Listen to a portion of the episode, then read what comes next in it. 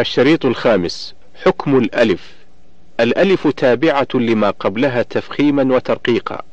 وذلك عكس الغنة فإنها تابعة لما بعدها. قال صاحب لآلئ البيان وتتبع الألف ما قبلها والعكس في الغن في الغن ألف. فإن كان الحرف الواقع قبل الألف من حروف الاستعلاء أو شبهه مثل الراء المفخمة كانت الألف مفخمة مثل قال التراقي.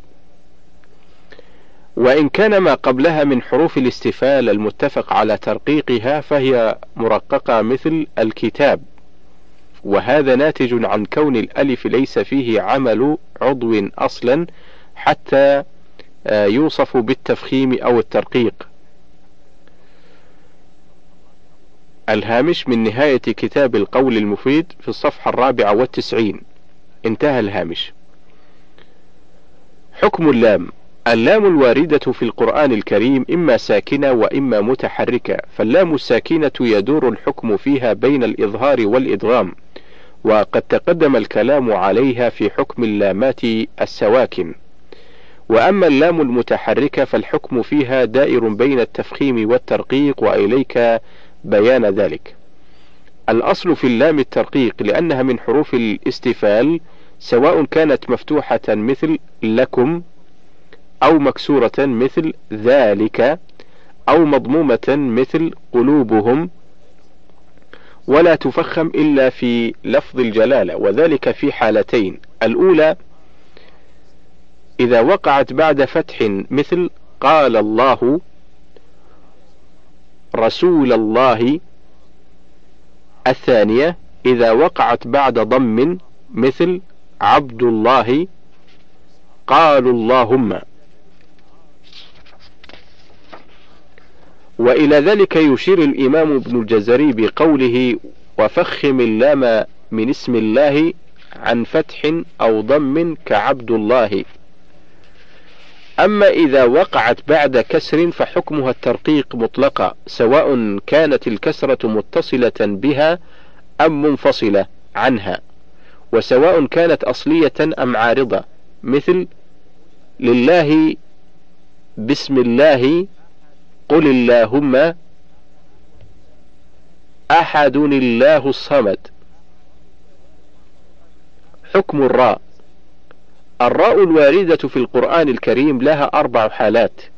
الحالة الأولى الراء المرققة قولا واحدا.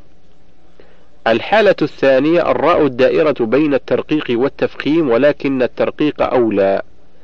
الحالة الثالثة الراء الدائرة بين التفخيم والترقيق ولكن التفخيم أولى. الحالة الرابعة الراء المفخمة قولا واحدا. وفيما يلي, وفيما يلي بيان هذه الحالات بالتفصيل. الحالة الأولى الراء المرققة قولا واحدا وتحتها ثمان صور. واحد الراء المكسورة سواء كانت في أول الكلمة مثل رجال أو في وسطها مثل مراء أو في آخرها ولا يكون ذلك إلا في حالة الوصل مثل ليلة القدر خير وسواء كانت الكسرة أصلية كما تقدم أم كانت عارضة مثل واذكر اسم وذر الذين وسواء كان الحرف الذي بعدها مستفلا كما ذكر أو مستعليا مثل ورضوان من الله. اثنان الراء الممالة. ولم ترد لحفص إلا في موضع واحد في قوله تعالى مجريها في سورة هود. ثلاثة الراء المكسورة الراء المكسورة وصلا وموقوف عليها بوجه الروم مثل والعصر ونفخ في الصور. لأن حكم الروم كالوصل. أربعة الراء الساكنة سكونا أصليا في وسط الكلمة بعد كسر أصلي ولم يقع بعدها حرف الاستعلاء ولم يقع بعدها حرف استعلاء في كلمتها مثل فرعون. خمسة الراء الساكنة سكونا أصليا في آخر الكلمة وقبلها كسر وسواء وقع بعدها حرف مستفل مثل رب اغفر لي أو حرف مستعل مثل فاصبر صبرا ولا تصعر خدك أن أنذر قومك ولا رابع لهن في القرآن. ستة الراء الساكنة سكونا عارضا لأجل الوقف بعد كسر سواء كانت مفتوحة مثل لينذر أو مضمومة مثل منتشر.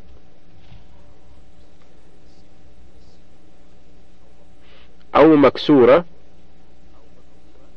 أو مضمومة مثل منتشر. أو مكسورة مثل منهمر. وسواء كان الكسر الواقع قبلها في حرف مستفل كما ذكر أم في حرف مستعل مثل فإذا نقر. سبعة. الراء الساكنة سكونا عارضا لأجل الوقف بعد ساكن صحيح مستفل قبله كسر مثل الذكر السحر.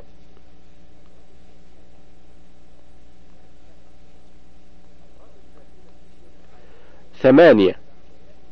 الراء الساكنة سكونا عارضا لأجل الوقف بعد ياء مادية أو لينة سواء كانت مفتوحة مثل والحمير لا ضير أو مضمومة مثل وهو على كل شيء قدير.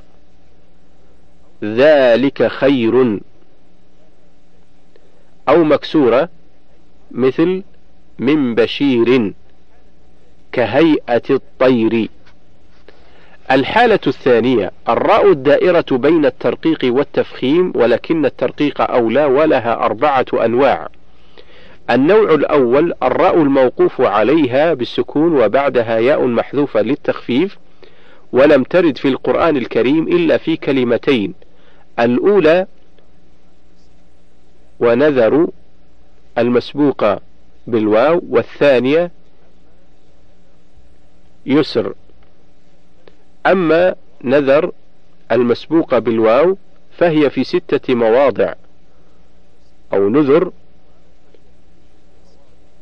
المسبوقة بالواو فهي في ستة مواضع بسورة القمر أربعة منها في قوله تعالى فكيف كان عذابي ونذر؟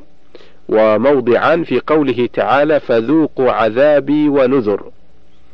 وأما يسر ففي سورة الفجر في قوله تعالى والليل إذا يسر. فمن رقق الراء فيهما نظر إلى الأصل وهي الياء المحذوفة للتخفيف وإلى الوصل حيث إنها مرققة لكسرها فأجرى الوقف مجرى الوصل ومن فخم لم ينظر إلى الأصل ولا إلى الوصل. بل اعتد بالعارض وهو الوقف بالسكون مع حذف الياء. النوع الثاني الراء الموقوف عليها بالسكون وبعدها ياء محذوفة للبناء ولا تكون إلا في كلمة.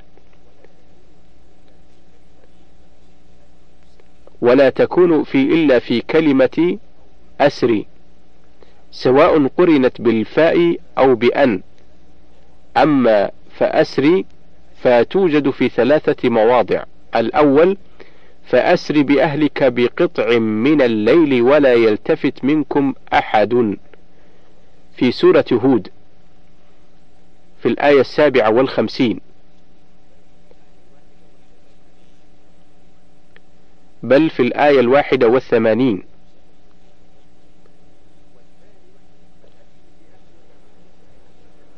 والثاني فأسر بأهلك بقطع من الليل واتبع أدبارهم. وهي الآية الثامنة والخمسون من سورة الحجر. بل الآية الخامسة والستون. الثالث فأسر بعبادي ليلا إنكم متبعون. سورة الدخان الآية الثالثة والعشرون. وأما أن أسري فتوجد في موضعين. الأول قوله تعالى ولقد أوحينا إلى موسى أن أسر بعبادي. في سورة طه الآية السابعة والسبعون. الثاني قوله تعالى وأوحينا إلى موسى أن أسر بعبادي إنكم متبعون. سورة الشعراء الآية الثانية والخمسون. وهذه الكلمة فعل أمر مبني على حذف حرف العلة وهو الياء. فمن رققها نظر إلى الأصل وهو الياء المحذوفة للبناء وإلى الوصل حيث إنها مرققة لكسرها فأجرى الوقف مجرى الوصل ومن فخمها لم ينظر إلى الأصل ولا إلى الوصل. بل اعتد بالعارض وهو الوقف بالسكون مع حذف الياء. النوع الثالث الراء الموقوف عليها بالسكون وقبلها ساكن مستعل وقبل الساكن كسر وهي في الوصل مكسورة. وهذا النوع لم يرد في القرآن الكريم إلا في موضع واحد وهو القطر. في قوله تعالى وأسلنا له عين القطر في سورة سبأ. الآية الثانية عشرة.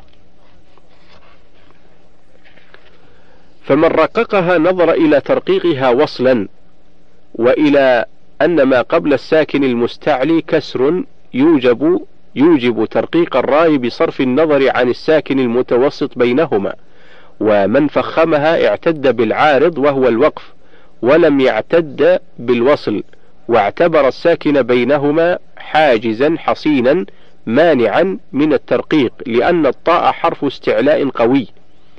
النوع الرابع الراء الساكنة في وسط الكلمة بعد كسر أصلي وبعدها وبعدها حرف استعلاء مكسور في كلمتها. وهذا النوع لم يوجد في القرآن الكريم إلا في موضع واحد هو لفظ فرق في قوله تعالى فكان كل فرق كالطود العظيم. سورة الشعراء الآية الثالثة والستون. فمن رققها نظر إلى الكسر الواقع قبلها ولم ينظر إلى حرف الاستعلاء الواقع بعدها لكونه مكسورا. والكسر جعله في مرتبة ضعيفة من التفخيم. يكون معه ترقيق الراء مناسبا. ومن فخمها نظر إلى حرف الاستعلاء الواقع بعدها ولم ينظر إلى الكسر الواقع قبلها ولا إلى كسر حرف الاستعلاء وألحقها بقرطاس وأخواتها. وإلى ترجيح الترقيق في هذه الكلمات يشير صاحب كتاب لآل البيان بقوله ورق فرق ورق فرق أعلى ورق ورق فرق أعلى ورق راء يسري وأسري أحرى كالقطر مع نذر عكس مصر وهذا ما اختاره الإمام ابن الجزري رحمه الله في النشر. الحالة الثالثة. الراء الدائرة بين التفخيم والترقيق ولكن التفخيم أولى وتحتها نوعان. النوع الأول الراء الموقوف عليها بالسكون وقبلها ساكن مستعل وقبل الساكن كسر وهي في حالة الوصل مفتوحة. وهذا النوع لم يرد في القرآن الكريم إلا في لفظ واحد هو مصر. غير الممنون وقد وقع في أربعة مواضع. وهذا النوع لم يرد في القرآن الكريم إلا في لفظ واحد هو مصر غير المنون وقد وقع في أربعة مواضع. الأول قوله تعالى أن تبوأوا لقومكما بمصر بيوتا. سورة يونس الآية السابعة والثمانون. الثاني والثالث قوله تعالى وقال الذي اشتراه من مصر. ادخلوا مصر إن شاء الله آمنين. سورة يوسف الآيتان الواحدة والعشرون والتاسعة والتسعون. الرابع قوله تعالى قال يا قوم أليس لي ملك مصر؟ سورة الزخرف الآية الواحدة والخمسون. فمن فخمها نظر إلى حالتها في الوصل حيث تكون واجبة حيث تكون حيث تكون واجبة التفخيم. وصرف النظر عن الكسر الواقع قبل حرف الاستعلاء الفاصل بين الكسر وبين الراء واعتبر حرف الاستعلاء حاجزا حصينا مانعا من الترقيق. ومن رققها لم ينظر إلى حالتها في الوصل واعتد بالعارض وهو الوقف. واعتبر الكسر الموجود قبل حرف الاستعلاء موجبا لترقيقها دون الالتفات إلى حرف الاستعلاء. النوع الثاني الراء الموقوف عليها بالسكون وقبلها فتح أو ضم أو ساكن مسبوق بفتح أو ضم وهي في الوصل مكسورة. وهذا النوع كثير في القرآن فالذي قبله فتح مثل البشر والذي قبله ضم مثل بالنذر والذي قبله ساكن مسبوق بفتح مثل والعصر والفجر والساكن المسبوق بضم مثل العسر. فمن فخمها لم ينظر إلى حالتها في الوصل بل نظر إلى السكون العارض واعتد به حيث لا يوجد قبله ما يستوجب الترقيق. ومن رققها نظر إلى وجوب ترقيقها في حالة الوصل لكونها مكسورة فأجرى الوقف مجرى الوصل وإلى هذا يشير العلامة آه، المتولي بقوله والراجح التفخيم في للبشر والفجر أيضا وكذا بالنذر كما قال صاحب لآلئ البيان وفخمت في الوقف وهو راجح إذا كسرت الحالة الرابعة الراء المفخمة قولا واحدا وهي التي تقع في غير المواضع السابق ذكرها وتنحصر غالبا فيما يلي. واحد الراء المفتوحة سواء كانت في أول الكلمة مثل ربي أو في وسط الكلمة مثل بربكم أو في آخر الكلمة بشرط أن تكون موصولة مثل ليس البر. اثنان الراء المضمومة سواء كانت في أول الكلمة مثل رزقوا أو في وسط الكلمة مثل يبصرون. أو في آخر الكلمة بشرط أن تكون موصولة مثل الكذاب الأشر أو موقوف عليها بوجه الروم كالمثال السابق وكذلك مثل هو الأول والآخر لأن الروم كالوصل. ثلاثة الراء الساكنة سكونا أصليا بعد فتح سواء كانت في وسط الكلمة مثل مريم أو في آخر الكلمة مثل لا يسخر قوم. أربعة الراء الساكنة سكونا أصليا بعد ضم سواء كانت في وسط الكلمة مثل وقرآنا أو في آخر الكلمة مثل فمن يكفر بالطاغوت. خمسة الراء الساكنة سكونا أصليا بعد كسر أصلي متصل بها وبعدها حرف استعلاء مفتوح في كلمتها وقد ورد ذلك في القرآن في خمس كلمات وهي واحد قرطاس في سورة الأنعام اثنان وثلاثة فرقة وإرصادا في سورة التوبة أربعة مرصادا في سورة النبأ خمسة لبالمرصاد في سورة الفجر ستة الراء الساكنة سكونا أصليا بعد كسر أصلي منفصل عنها مثل الذي ارتضى. ومثل وقل رب ارحمهما. سبعة الراء الساكنة سكونا أصليا بعد كسر عارض متصل مثل ارجعي. ثمانية الراء الساكنة سكونا أصليا بعد كسر عارض منفصل مثل إن ارتبتم. أم ارتابوا. تسعة الراء الساكنة سكونا عارضا لأجل الوقف وقد سبقها فتح سواء كانت هي مفتوحة مثل ومن كفر أو مضمومة مثل إنه هو البر أو مكسورة بشرط أن يسبقها ما يستوجب تفخيمها مثل بشرر حيث إن الراء الأولى مفخمة وهذا يستف وهذا يستدعي تفخيمها. عشرة الراء الساكنة سكونا عارضا لأجل الوقف وقد سبقها ضم سواء كانت هي مفتوحة مثل ويولون الدبر أو مضمومة مثل فإنما يشكر لنفسه أحد عشر الراء الساكنة سكونا عارضا لأجل الوقف وقد سبقها ساكن مسبوق بفتح وهي في الأصل وهي في الوصل مفتوحة مثل إن الأمر أو مضمومة مثل إذا جاء نصر أو كان الساكن ألفا مثل فاتقوا النار. ويستثنى من ذلك الياء اللينة مثل السير لأن فيها الترقيق كما سبق. اثنى عشر الراء الساكنة سكونا عارضا لأجل الوقف وقد سبقها ساكن مسبوق بضم وهي في الأصل مضمومة مثل سندس خضر أو مفتوحة مثل اليسرى أو كان الساكن واوا مثل ترجع الأمور ترجع الأمور. ألن يحور. تنبيهات. الأول الأصل في الراء التفخيم ولهذا أشار الإمام الشاطبي بقوله وفيما عدا هذا الذي قد وصفته على الأصل بالتفخيم كن متعملا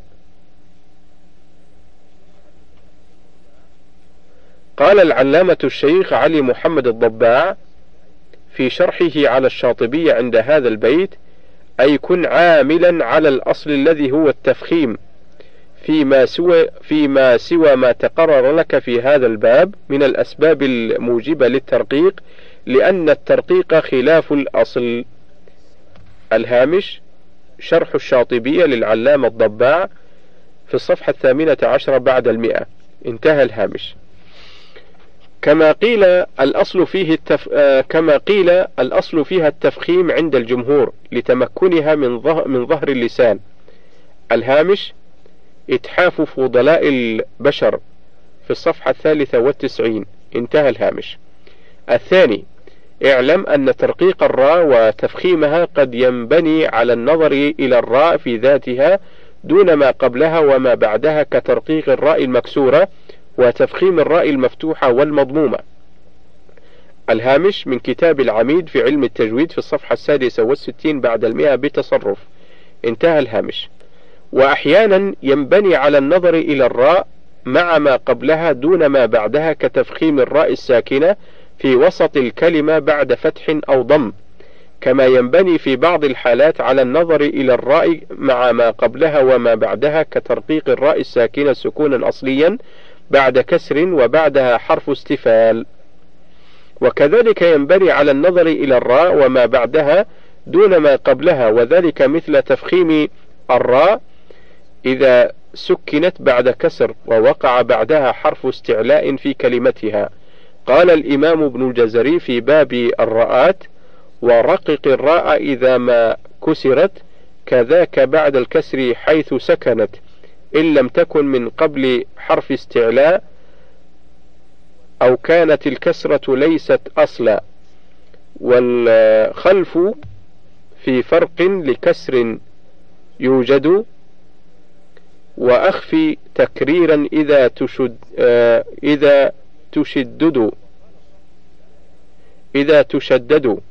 وقال صاحب لآل البيان في باب الترقيق والتفخيم حروف الاستفال حتما رققي والعلو فخم والعلو فخم سيما في المطبق. أعلاه في كطائف فصل فصل فالغرفات فاقترب فضلا.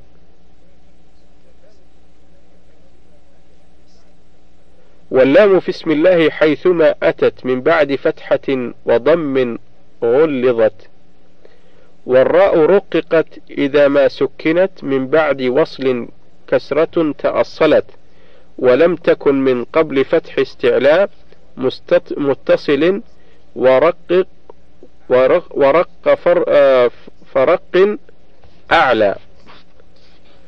ورقق ورققت مكسورة وفخ وفخمت ورققت مكسورة وفخمت في الوقف وهو راجح إذا كسرت.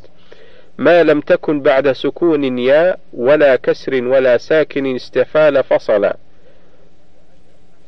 ورق راء يسر وأسر أحرى كالقطر مع نذر عكس مصر. والروم كالوصل وتتبع الألف ما قبلها والعكس في في الغن ألف. أسئلة واحد ما هو التفخيم لغة واصطلاحا. اثنان ما الحروف المفخمة قولا واحدا؟ وما مراتب التفخيم على ما اختاره ابن الجزري؟ ثلاثة عرف الترقيق لغة واصطلاحا ثم بين الحروف المرققة قولا واحدا واذكر الحروف الدائرة بين الترقيق والتفخيم. أربعة اذكر حكم الألف ترقيقا وتفخيما مع التمثيل. خمسة وضح حكم اللام المتحركة. تفخيما وترقيقا مع التمثيل لما تذكر. ستة بين أقسام الراء إجمالا ثم اذكر ثلاث حالات ترقق فيها قولا واحدا. سبعة اذكر حالات الراء التي يجوز فيها التفخيم والترقيق ولكن التفخيم أولى مع التمثيل. ثمانية اذكر حكم الراء في قوله تعالى والليل إذا يسر في حالة الوقف مع التعليل لما تذكر من أقوال.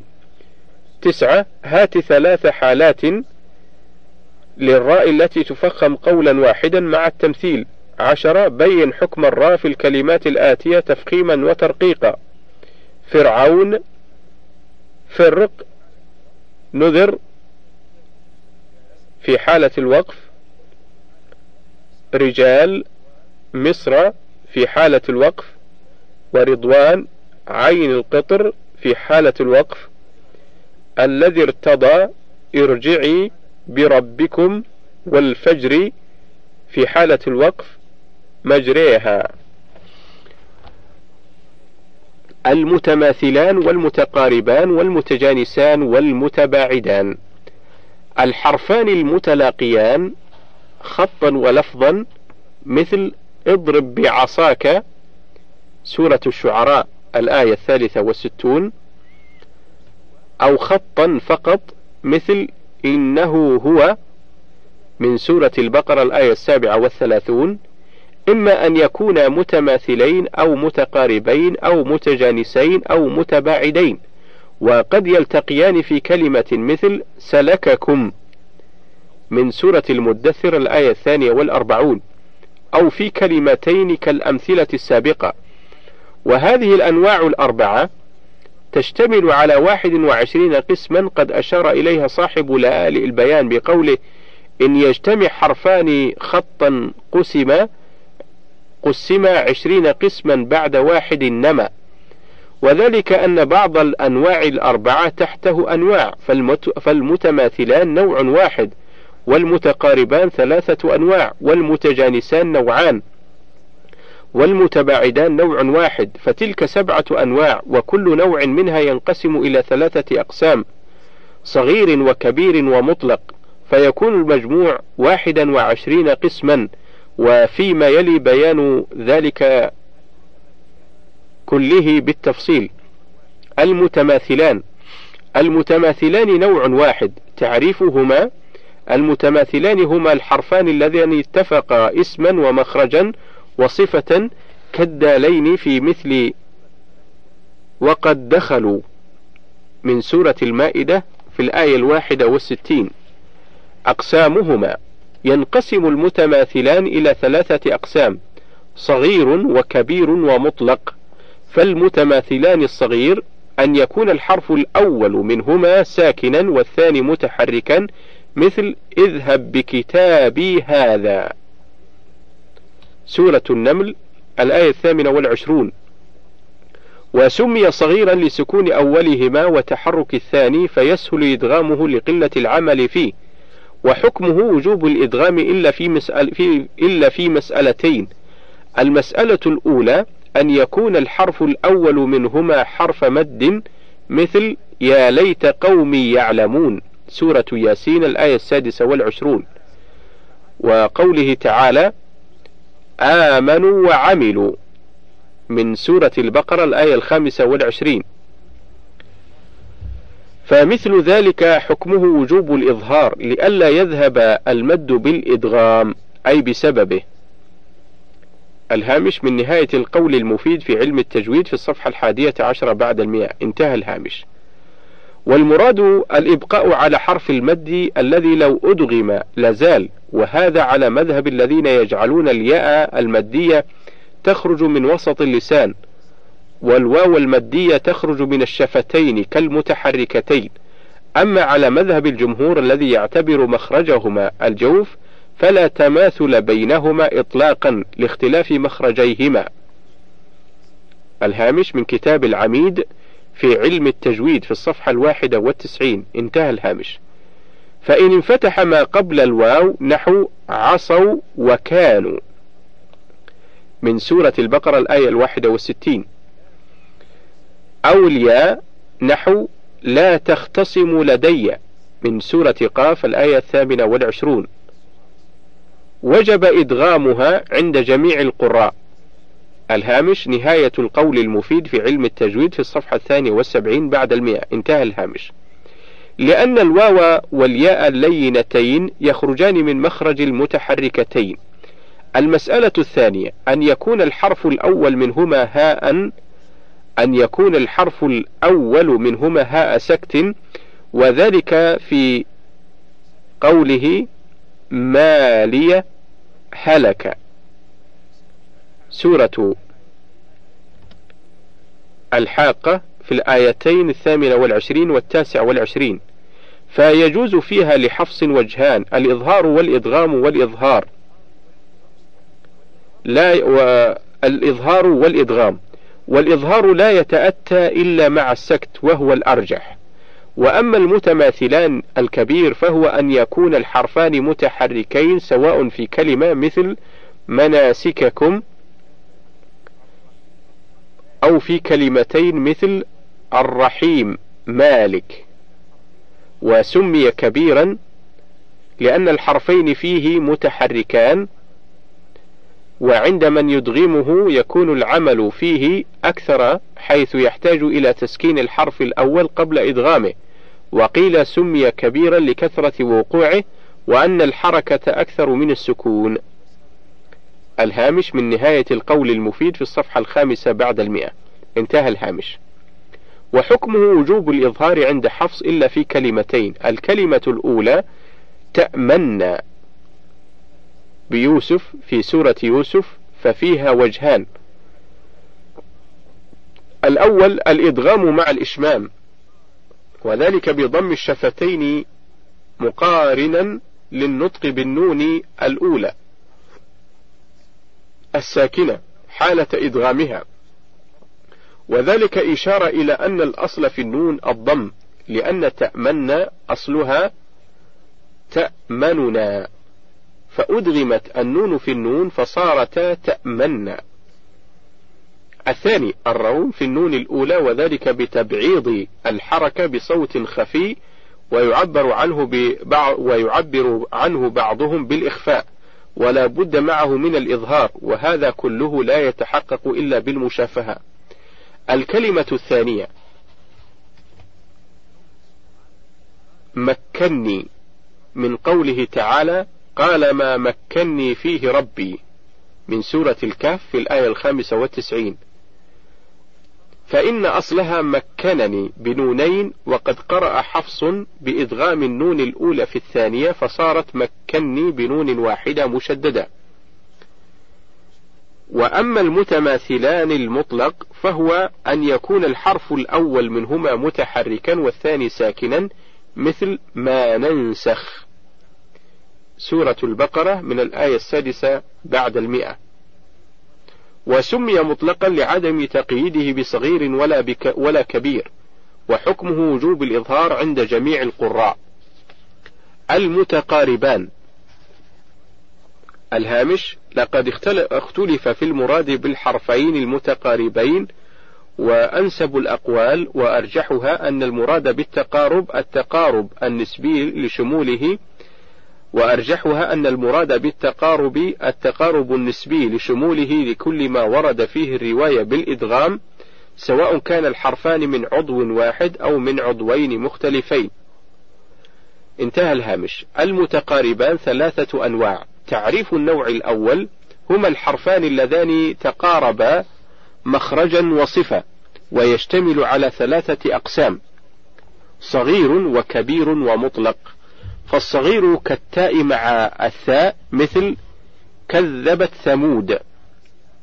سورة الشمس الآية الحادية عشرة. والكبير كالقاف مع الكاف مثل من فوقكم. سورة الأحزاب الآية العاشرة. والمطلق كالتاء مع الثاء مثل ولا يستثنون. سورة القلم من الآية الثامنة عشرة. تعريف النوع الثاني هما الحرفان اللذان تقاربا مخرجا لا صفة ويشتمل أيضا على ثلاثة أقسام صغير وكبير ومطلق. فالصغير كالدال مع السين مثل قد سمع. سورة المجادلة الآية الأولى. والكبير كالدال مع السين مثل عدد سنين. سورة المؤمنون الآية الثانية عشرة بعد المئة. والمطلق كالسين مع النون مثل سندس. سورة الإنسان الآية الواحدة والعشرون. تعريف النوع الثالث هما الحرفان اللذان تقارب صفة لا مخرجا ويشتمل كذلك على ثلاثة أقسام صغير وكبير ومطلق. فالصغير كالذال مع الجيم مثل إذ جاءوكم. سورة الأحزاب الآية العاشرة. والكبير كالقاف مع الدال مثل قدر معلوم. سورة المرسلات الآية الثانية والعشرون. والمطلق كالقاف مع الطاء مثل يلتقطه. سورة يوسف الآية العاشرة. حكم المتقاربين الصغير.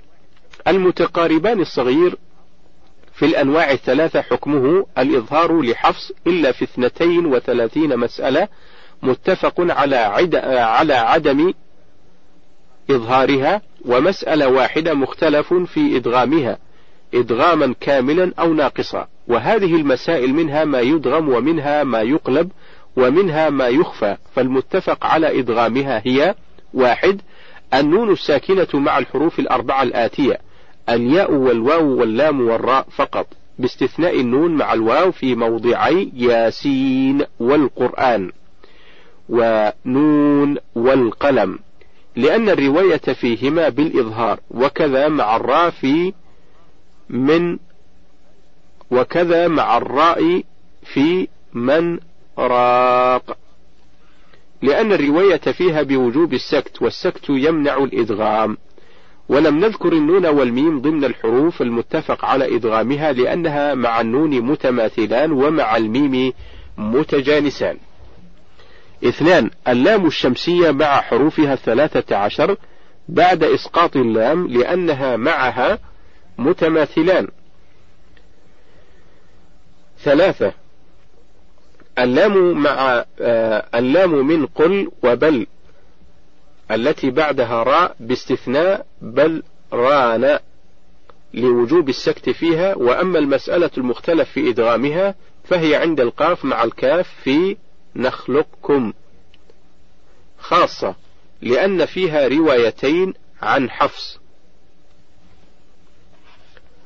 الأولى الإدغام الكامل وهو الأولى والمشهور والإمام الشاطبي لم يروي غيره. ومعنى كمال الإدغام أي إدخال القاف في الكاف إدخالا كاملا بحيث لا يظهر شيء من صفاتها كالاستعلاء أو القلقلة. الثانية الإدغام الناقص، ومعناه بقاء بعض صفات القاف كالاستعلاء وزوال بعضها كالقلقلة. ويفهم هذا الخلاف من قول الإمام ابن الجزري: والخلف بنخلقكم وقع علما بأن الإدغام الناقص فيها لم يروى من طرق النشر ولقد حقق هذا العلامة السمنودي عند الكلام على ألم نخلقكم. فقال ما نقص الإدغام بل يتم من طرق النشر كما منه علم. وأما المتفق على قلبه فمسألة واحدة وذلك عند النون الساكنة التي بعدها باء. وأما المتفق على إخفائه فذلك في ثلاثة عشر موضعا. عند النون الساكنة الواقعة قبل أحرف الإخفاء الحقيقي ما عدا القاف والكاف لأنهما بالنسبة إلى النون متباعدان وأمثلة هذه المسائل كلها لا تخفى عليك. وأما حكم المتقاربين الكبير والمطلق فالإظهار دائما. المتجانسان. المتجانسان نوعان فقط. تعريف النوع الأول هما الحرفان اللذان اتفقا مخرجا واختلفا صفة. ويشتمل على ثلاثة أقسام صغير وكبير ومطلق. فالصغير كالتاء مع الدال مثل أجيبت دعوتكما. سورة يونس الآية التاسعة والثمانون. والكبير كالتاء مع الطاء مثل الصالحات طوبى. سورة الرعد الآية التاسعة والعشرون. والمطلق كالتاء مع الطاء مثل أفتطمعون؟ سورة البقرة الآية الخامسة والسبعون. تعريف النوع الثاني هما الحرفان اللذان اتفقا صفة واختلفا مخرجا ويشتمل أيضا على ثلاثة أقسام صغير وكبير ومطلق. فالصغير كالنون مع الميم مثل من مال والكبير كالتاء مع الكاف مثل فأنذرتكم. والمطلق كالجيم مع الدال مثل ألم يجدك. حكم المتجانسين الصغير المتجانسان الصغير في كلا النوعين حكمه وجوب الإظهار إلا في ثمان مسائل متفق على عدم إظهارها ومسألة واحدة مختلف في إظهارها. أما المسائل المتفق على عدم إظهارها فمنها ستة متفق على إدغامها إدغاما كاملا وهي الباء التي بعدها ميم في إركب معنا التاء التي بعدها دال مثل أثقلت دعوة أثقلت دعوة التاء التي بعدها طاء مثل إذ هم الطائفتان الثاء التي بعدها ذال في يلهث ذلك الدال التي بعدها تاء مثل ومهدت. الذال التي بعدها ضاء مثل إذ ظلمتم. ومسألة واحدة متفق على إدغامها إدغاما ناقصا وهي الطاء التي بعدها تاء مثل أحطت. ومسألة واحدة مختلف في نوع إدغامها هل هي من قبيل الإدغام الكامل أم الناقص وهي النون الساكنة التي بعدها ميم مثل ممال وقد سبق الكلام عليها بالتفصيل في الإدغام بغنة. ومسألة واحدة مختلف في إخفائها وهي الميم الساكنة التي بعدها باء مثل ترميهم بحجارة. وقد سبقت الإشارة في باب الميم الساكنة إلى أن الإخفاء هو قول الجمهور من أهل الأداء وقيل بإظهارها. وأما حكم المتجانسين الكبير والمطلق فالإظهار دائما. المتباعدان نوع واحد. تعريفهما المتباعدان هما الحرفان اللذان تباعدا مخرجا واختلفا صفة كالتاء مع الخاء من تخرجون أو تباعدا مخرجا واتفقا صفة كالكاف مع التاء من فاكتبوه. ويشتمل على ثلاثة أقسام. ويشتمل على ثلاثة أقسام صغير وكبير ومطلق. فالصغير كالنون مع الخاء مثل والمنخنقة والكبير كالدال مع الهاء مثل دهاقا والمطلق كالهاء مع الميم مثل أنفسهم. حكم المتباعدين الصغير. المتباعدان الصغير حكمه الإظهار مطلقا إلا في مسألتين متفق على الإخفاء فيهما وهما النون الساكنة التي بعدها قاف مثل انقلبوا والنون الساكنة التي بعدها كاف مثل أنكالا. الهامش العميد في علم التجويد في الصفحة التاسعة والأربعين. انتهى الهامش.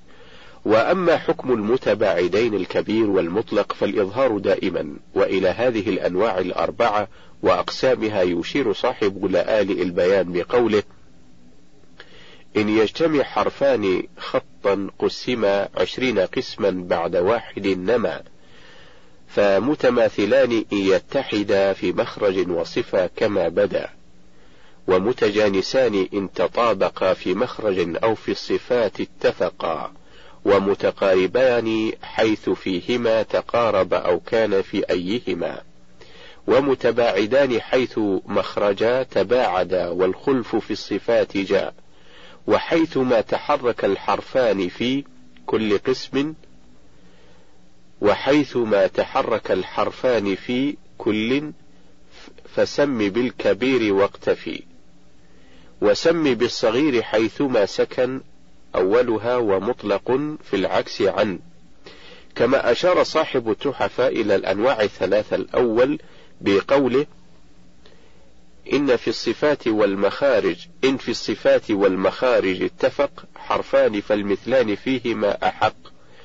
أو أن يكون مخرجا تقاربا وفي الصفات اختلف يلقب متقاربان متقاربين أو يكون اتفقا في مخرج دون الصفات حققا. بالمتجانسين ثم إن سكن أول كل فالصغير سميا.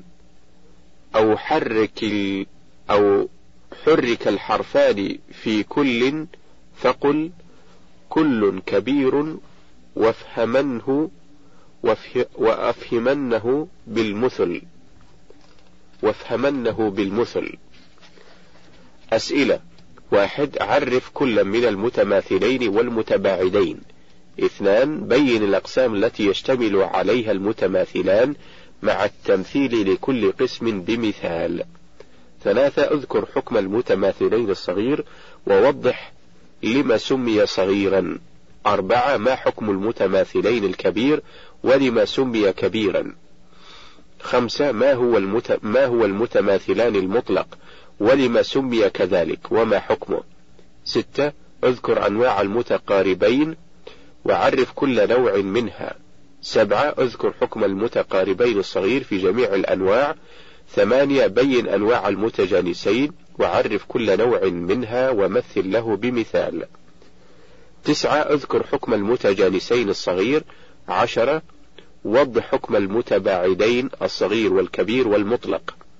أحد عشر استخرج ما تحته خط استخرج مما تحته خط فيما يأتي المتماثلين والمتقاربين والمتجانسين وبين نوعه وحكمه. قال تعالى يدرككم الموت خلقكم من نفس أجيبت دعوتكما. بسطت إلي يدك. أفأنت تسمع؟ وقل ربي اركب معنا ويعذب من يشاء. في الآية الأولى الخط تحت كلمة يدرككم. وبالذات في الحرفين ككم الكافين. وفي الآية الثانية خلقكم من نفس خلقكم ومن هاتان الكلمتان تحتهما خطين. وفي قوله تعالى أجيبت دعوتكما الخط تحت التاء في أجيبت وتحت دعوتكما. وفي قوله بسطت إلي يدك الخط تحت بسطت. وفي قوله أفأنت تسمع الخط تحت التاء من قوله أفأنت والتاء والسين من قوله تسمع. وفي قوله تعالى وقل ربي الخط تحت اللام والراء وفي قوله تعالى اركب معنا تحت الباء والميم والعين في اركب معنا وفي قوله تعالى ويعذب من يشاء الخط تحت يعذب ومن انتهت الأسئلة. الوقف على أواخر الكلم. الوقف على أواخر الكلم أنواعه ثلاثة. السكون المحض الروم الإشمام. وفيما يلي الكلام عليها بالتفصيل النوع الأول السكون المحض. والسكون المحض هو السكون الخالص الذي لا حركة فيه. وهو الأصل في الوقف وإلى هذا يشير الإمام ابن الجزري في الطيبة بقوله والأصل في الوقف السكون. وإذا كان الموقوف عليه بالسكون مشددا فيراعى معه التشديد مثل ويحيى من حي في سورة الأنفال الآية الثانية والأربعين. والعرب لا يبتدئون بساكن كما لا يقفون على متحرك لأن الابتداء بالساكن متعذر أو متعسر. ولأن الوقف بالسكون أخف من الوقف بالحركة. فإن قيل الأصل في آه، فإن قيل الأصل هو الحركة للسكون فبأي علة يصير السكون أصلا في الوقف؟ والجواب على ذلك أنه لما كان الغرض من الوقف الاستراحة والسكون أخف من الحركة كلها وأبلغ في تحصيل الاستراحة لذا صار أصلا بهذا الاعتبار. الهامش من نهاية القول المفيد في الصفحة الثامنة عشر بعد المئتين. انتهى الهامش. النوع الثاني الروم. والروم كما قال صاحب التيسير هو تضعيفك الصوت بالحركة. حتى يذهب معظم صوتها فتسمع لها صوتا خفيا. هذا الصوت يسمعه القريب المصغي دون البعيد. والمراد بالبعيد الأعم من أن يكون حقيقة أو حكما. فيشمل الأصم والقريب إذا لم يكن مصيع وقد أشار الإمام الشاطبي إلى هذا المعنى بقوله ورومك بسماع. ورومك إسماع ورومك إسماع المحرك واقفا بصوت خفي كل دان تنولا وقد عرفه بعضهم بقوله هو الإتيان بثلث الحركة بحيث يسمعه القريب دون البعيد. وهو لا يكون إلا مع القصر في حالة الوقف. وهو لا يكون إلا مع القصر في حالة الوقف فقط لقول الإمام الشاطبي ورومهم كما وصلهم ورومهم كما وصلهم. ويدخل في المجرور والمرفوع من المعربات نحو الرحيم ونستعين وكذا المكسور والمضمون في المبنيات نحو هؤلاء ومن حيث.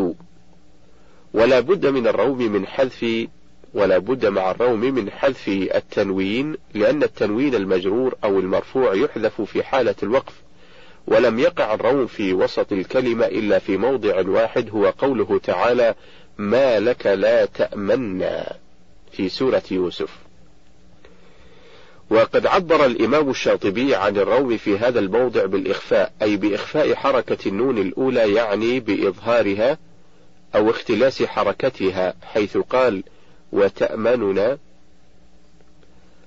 وتأمن للكل يخفى مفصلا أو يخفي مفصلا. ولذا يعبر عنه يعبر عنه بعضهم بالاختلاس. وذكر صاحب إتحاف فضلاء البشر أن الإشارة في النون الأولى يجعلها بعضهم روما فيكون حينئذ إخفاء فيمتنع معه الإدغام الصحيح لأن الحركة لا آه، تسكن رأسا أو لا تسكن رأسا وإنما يضعف صوتها انتهى. الهامش إتحاف فضلاء البشر في القراءات الأربع عشر في الصفحة الثانية والستين بعد المئتين. انتهى الهامش. والروم والاختلاس يشتركان في تبعيض الحركة إلا أن الروم يخالفه فلا يكون في المفتوح والمنصوب على الأصح وهو رأي جميع القراء. أما إمام النحو سيبوي فقد أجازه فيهما وإلى ذلك يشير الإمام الشاطبي بقوله ولم يره في الفتح والنصب قارئ ولم يره في الفتح والنصب قارئ وعند إمام النحو في الكل أعملا. أما الاختلاس فهم آه، فهم متفقون على أنه يكون في الحركات الثلاث كما أن الروم الثابت فيه من الحركة أقل من المحذوف وقدره وقدره بعضهم بالثلث. أما الاختلاس فالثابت فيه من الحركة أكثر من المحذوف وقدره بعضهم بالثلثين. وكل ذلك لا يضبط إلا بالمشافهة. النوع الثالث الإشمام. والإشمام هو ضم الشفتين بعيد إسكان الحرف دون تراخ على أن يترك بينهما فرجة لخروج النفس بحيث يراه المبصر دون الأعمى. وهو في الوقف لا يكون إلا في المضموم والمرفوع فقط. وقال فيه الإمام الشاطبي والإشمام إطباق الشفاه الشفاه بعيد ما يسكن لا صوت هناك فيصحلا فائدة الروم والإشمام. وأما فائدة الروم والإشمام فهي بيان الحركة الأصلية التي تثبت في الوصل وللحرف الموقوف عليه ليظهر للسامع في حالة الروم ليظهر للسامع في حالة الروم وللناظر في حالة الإشمام. كيف تلك الحركة؟ وحينئذ فلا روم ولا إشمام في الخلوة. الهامش من نهاية القول المفيد في علم التجويد في الصفحتين التاسعة عشرة والعشرين بعد المئتين. انتهى الهامش. كما يعلم أن الروم والإشمام لا يضبطان إلا بالتلقي والسماع من أفواه الشيوخ المتقنين.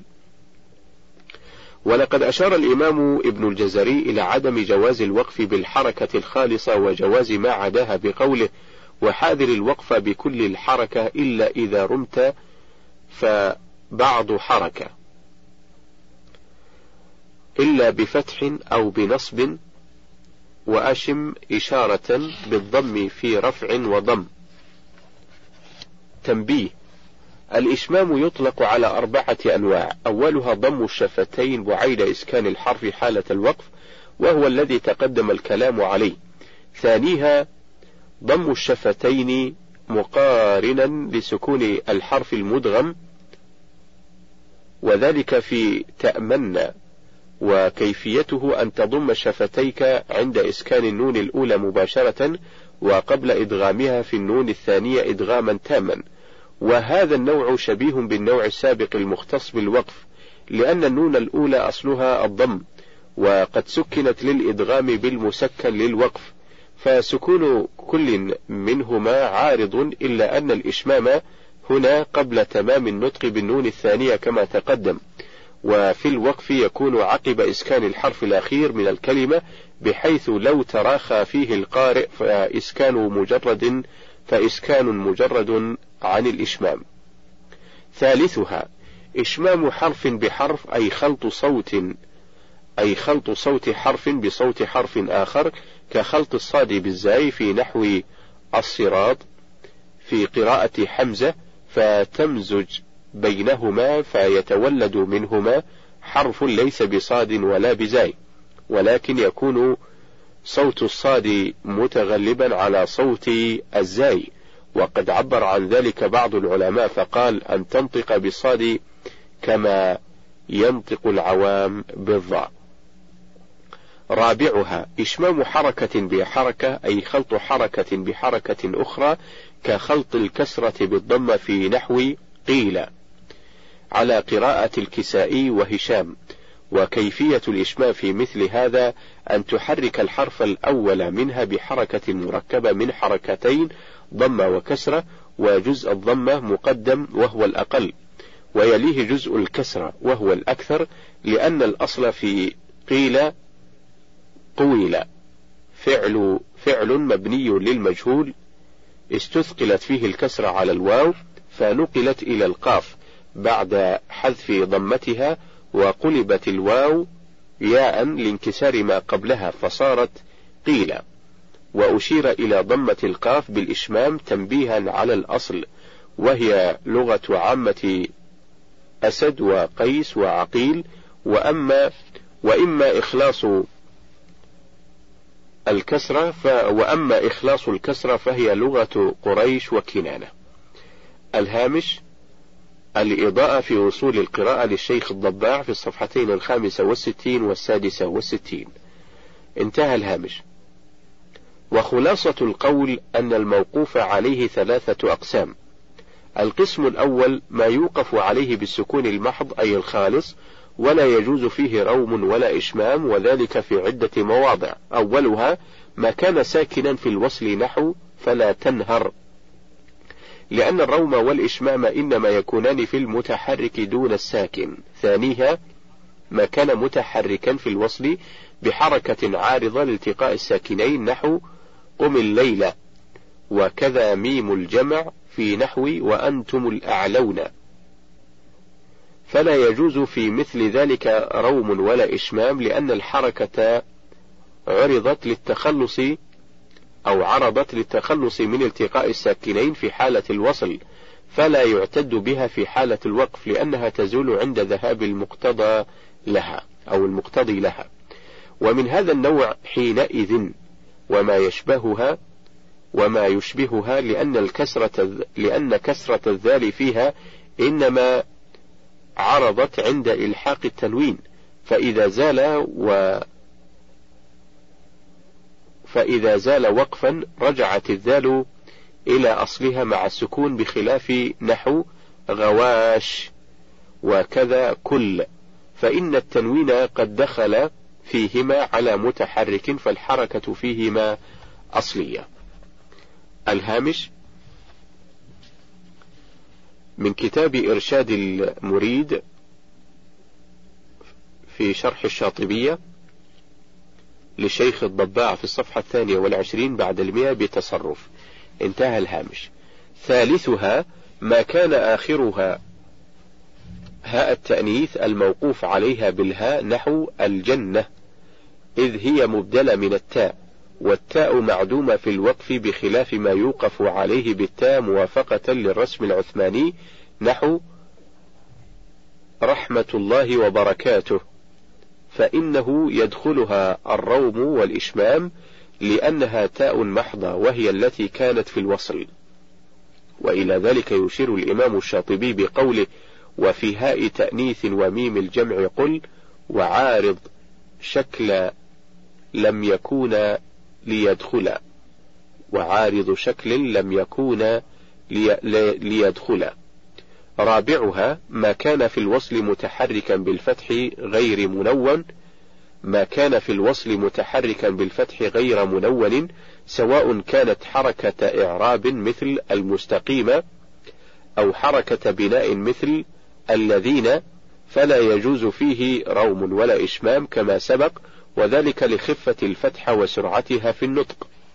القسم الثاني ما يوقف عليه بالسكون والروم فقط ولا يجوز فيه الإشمام وهو ما كان في الوصل متحركا بالكسرة سواء كانت حركة إعراب نحو الرحيم أو حركة بناء نحو هؤلاء القسم الثالث ما يوقف عليه بالسكون والروم والإشمام وهو ما كان في الوصل متحركا بالضمة سواء كانت حركة إعراب النحو نستعين أو حركة بناء النحو يا صالح.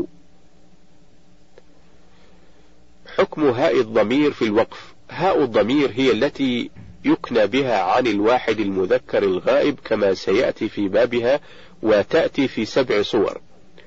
الأولى أن يكون قبلها ضم نحو والعمل الصالح يرفعه. في سورة فاطر. الثانية أن يكون قبلها واو ساكنة مادية أو لينة. فالمادية نحو من بعد ما عقلوا. في سورة البقرة. واللين نحو وليرضوه وليقترفوا. في سورة الأنعام. الثالثة أن يكون قبلها كسر نحو ما يفرقون به بين المرء وزوجه. في سورة البقرة الرابعة أن يكون قبلها ياء ساكنة مدية أو لينة فالمدية نحو فألقيه في اليم. في سورة القصص واللين نحو ووصينا الإنسان بوالديه إحسانا. في سورة الأحقاف الخامسة أن يكون قبلها فتح نحو وأصلحنا له زوجه. في سورة الأنبياء. السادسة أن يكون قبلها ألف نحو اجتباه وهداه إلى صراط مستقيم. في سورة النحل. السابعة أن يكون قبلها ساكن صحيح نحو فمن شهد منكم الشهر فليصمه. في سورة البقرة. أما حكم الوقف عليها فقد اختلف فيه أهل الأداء على ثلاثة مذاهب. المذهب الأول ذهب كثير من أهل الأداء إلى جواز الروم والإشمام فيها مطلقة وهو الذي في التيسير والتجريد والتلخيص وغيرها. الهامش من نهاية القول المفيد في علم التجويد في الصفحة رقم 222 انتهى الهامش. المذهب الثاني ذهب بعض أهل الأداء إلى منع الروم والإشمام فيه مطلقا. المذهب الثالث وهو المختار عند الإمام ابن الجزري فيه تفصيل واحد منع دخولهما فيها إذا كان قبلها ضم أو كسر أو واو أو ياء. اثنان جواز دخولهما فيها إذا كان قبلها فتح فتح أو ألف أو ساكن صحيح. وإلى المذهبين الأول والأخير يشير الإمام الشاطبي بقوله وفي الهاء للإضمار قوم أبوهما ومن قبله ضم أو الكسر مثل أو مثل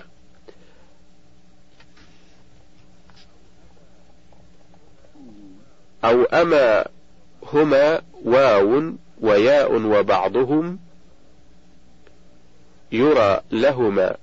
في كل حال محللا كما يقول الإمام ابن الجزري في الطيبة في باب الوقف على أواخر الكلم والأصل في الوقف السكون ولهم في الرفع والضم أشممنه وروم.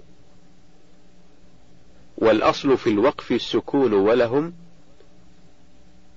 في الرفع والضم أشممنه ورم وأمنعهما في النصب والفتح بلا في الجر والكسر يرام مسجلا والروم, وال والروم الإتيان ببعض الحركة إشمامهم إشارة لا حركة. وعن أبي عمرو وكوف ورد نصا وللكل اختيارا أسندا.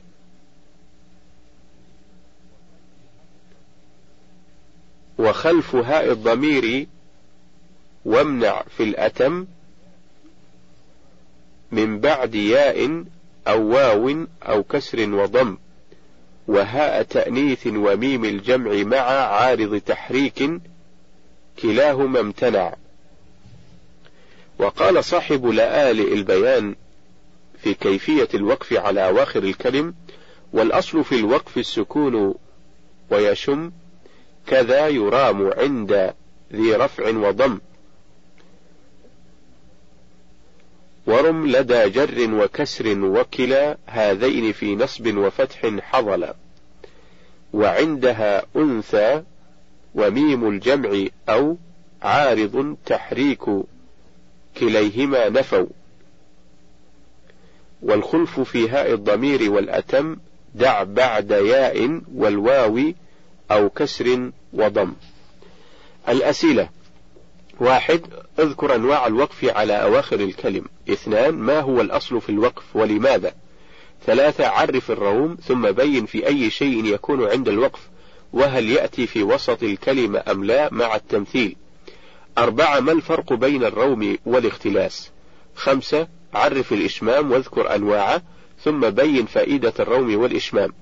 ستة بين المواضع التي يوقف عليها بالسكون المحض ولا يجوز فيها الروم والإشمام مع التمثيل.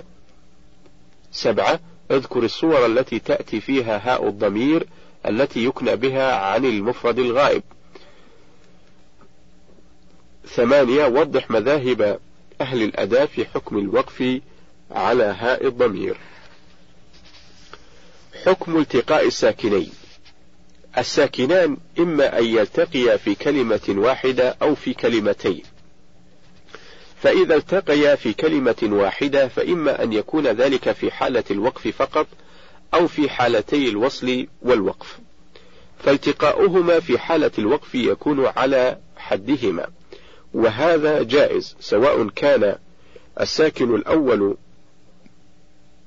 منهما حرف مد أو حرف لين. أو ساكنا صحيحا. فمثال حرف المد قوله تعالى إن الأبرار. وقوله تعالى وأولئك هم المفلحون. وقوله الحمد لله رب العالمين. ومثال حرف اللين قوله تعالى فليعبدوا رب هذا البيت. وقوله وآمنهم من خوف. ومثال الساكن الصحيح قوله تعالى حتى إذا فشلتم وتنازعتم في الأمر وقوله رضي الله عنهم ورضوا عنه. وقوله أولم يروا أن الله الذي خلق السماوات والأرض. فيجوز الوقف على أي كلمة من الكلمات السابقة التي اجتمع فيها الساكنان على حدهما أما إذا وصلت الكلمة الموقوف عليها بما بعدها فيحرك الساكن الثاني بحركته الأصلية لأنه ساكن عارض جاء لأجل الوقف.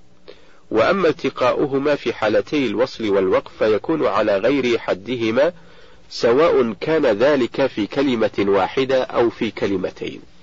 ففي الكلمة الواحدة يلتقيان وصلا ووقفا في مثل قوله تعالى الصاخة. وفي قوله أتحاجوني. وفي قوله الآن. في سورة يونس.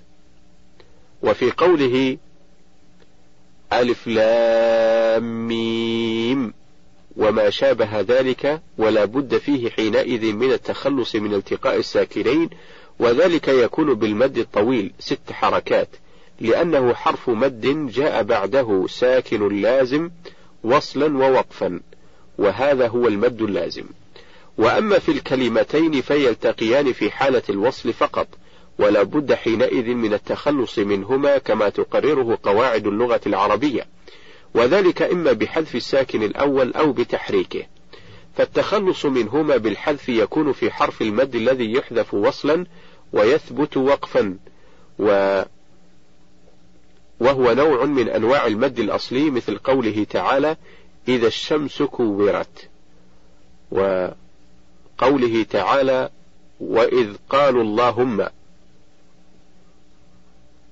وقوله تعالى وفي السماء رزقكم وهذا الحذف يكون في النطق في النطق حالة الوصل فقط لثبوت الحرف المحذوف رسما غالبا.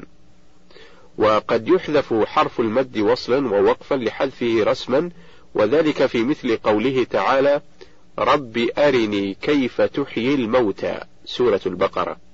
فإذا وقفنا على تحيي نقف بإسكان الياء التي هي عين الكلمة لأن الياء الثانية التي هي لام الكلمة محذوفة رسما لعلة التقاء الساكنين. وأما التخلص من الساكنين بالتحريك فالقراء يختلفون فيه تارة ويتفقون تارة أخرى فيختلفون فيما إذا كان الساكن الأول آخر كلمة والساكن الثاني في كلمة مبدوءة بهمزة وصل مضمومة في الابتداء لضم الثالث ضما لازما فنافع وابن كثير وابن عامر والكسائي يحركون الساكن الأول بالضم تبعا لضم الثالث. وأما حفص ومن معه من باقي القراء السبعة فيحركون الساكن الأول بالكسر على الأصل في التخلص من التقاء الساكنين. والساكن الأول هو أحد حروف لتلد والتنوين. الهامش إتحاف فضلاء البشر في الصفحة الثالثة والخمسين بعد المئة وفي شرح ابن الفاصح على الشاطبية في الصفحة السادسة بعد المئتين. انتهى الهامش. فمثال اللام قوله تعالى قل ادعوا الله قل ادعوا الله في سورة الإسراء. فاللام من قل ساكنة التقت بالدال من ادعو وهي ساكنة أيضا فحركت اللام بالكسر للتخلص من التقاء الساكنين. ومثال التاء قوله تعالى وقال تخرج عليهن. في سورة يوسف وليس غيره في القرآن. فتاء التأنيث في وقالت ساكنة. التقت بالخاء من اخرج وهي ساكنة أيضا فحركت التاء بالكسر للتخلص من التقاء الساكنين. ومثال النون قوله تعالى ولو أنا كتبنا عليهم أن اقتلوا أنفسكم في سورة النساء فالنون من أن ساكنة التقت بالقاف وهي ساكنة. أيضا فحركت النون بالكسر للتخلص من التقاء الساكنين. ومثال ومثال الواو يأتي في ثلاثة مواضع لا رابع لهن. في قوله تعالى أو اخرجوا من دياركم في سورة النساء. وفي قوله تعالى أو ادعوا الرحمن في سورة الإسراء. وفي قوله تعالى أو انقص منه قليلا في سورة المزمل. فالواو من أو ساكنة التقت بكل من الخاء والدال والنون وكلها ساكنة فحركت الواو بالكسر للتخلص من التقاء الساكنين. ومثال الدال قوله تعالى ولقد استهزئ برسل من قبلك في سورة الأنعام والرعد والأنبياء. فالدال من قد ساكنة التقت بالسين وهي ساكنة أيضا فحركت بالكسر للتخلص من التقاء الساكنين. ومثال التنوين قوله تعالى ولا يظلمون فتيلا انظر في سورة النساء. وقوله برحمة ادخلوا الجنة لا خوف عليكم في سورة الأعراف. فالتنوين هو عبارة عن نون ساكنة زائدة التقت مع النون والدال الساكنتين فحركت بالكسر للتخلص من التقاء الساكنين.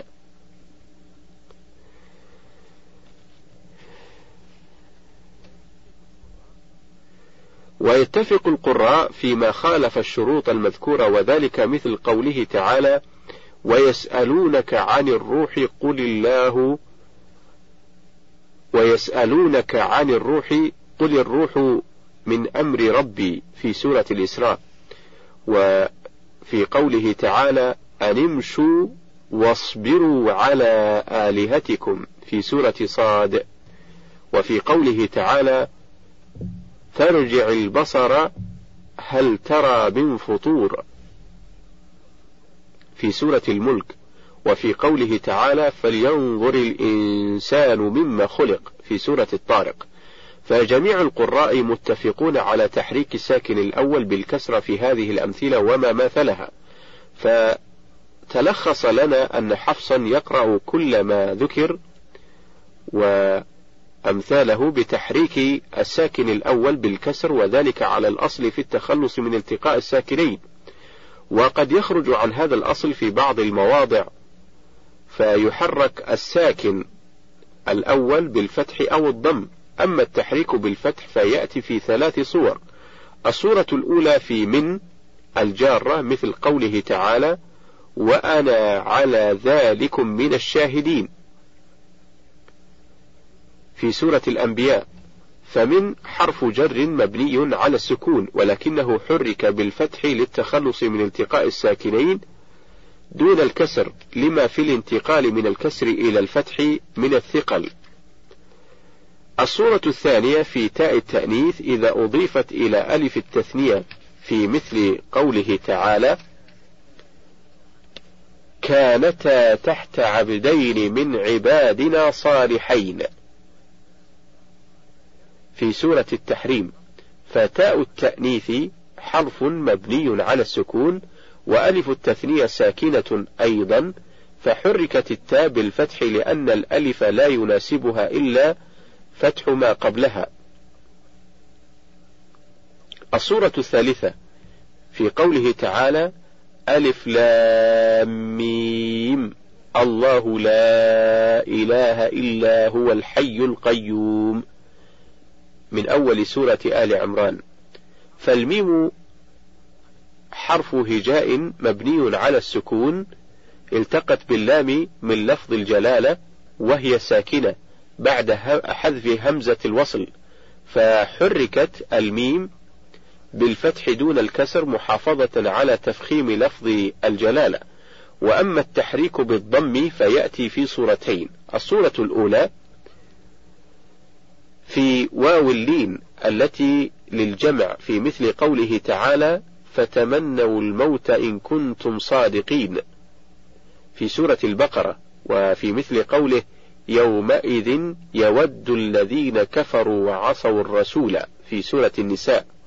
فواو اللين في المثالين حرف ساكن مفتوح ما قبله ولكنه حرك بالضم للتخلص من التقاء الساكنين. وأما الصورة الثانية ففي ميم الجمع وذلك في مثل قوله تعالى وسخر لكم الليل والنهار. في سورة النحل وفي قوله تعالى ثم رددنا لكم الكرة عليهم. ثم رددنا لكم الكرة عليهم في سورة الإسراء.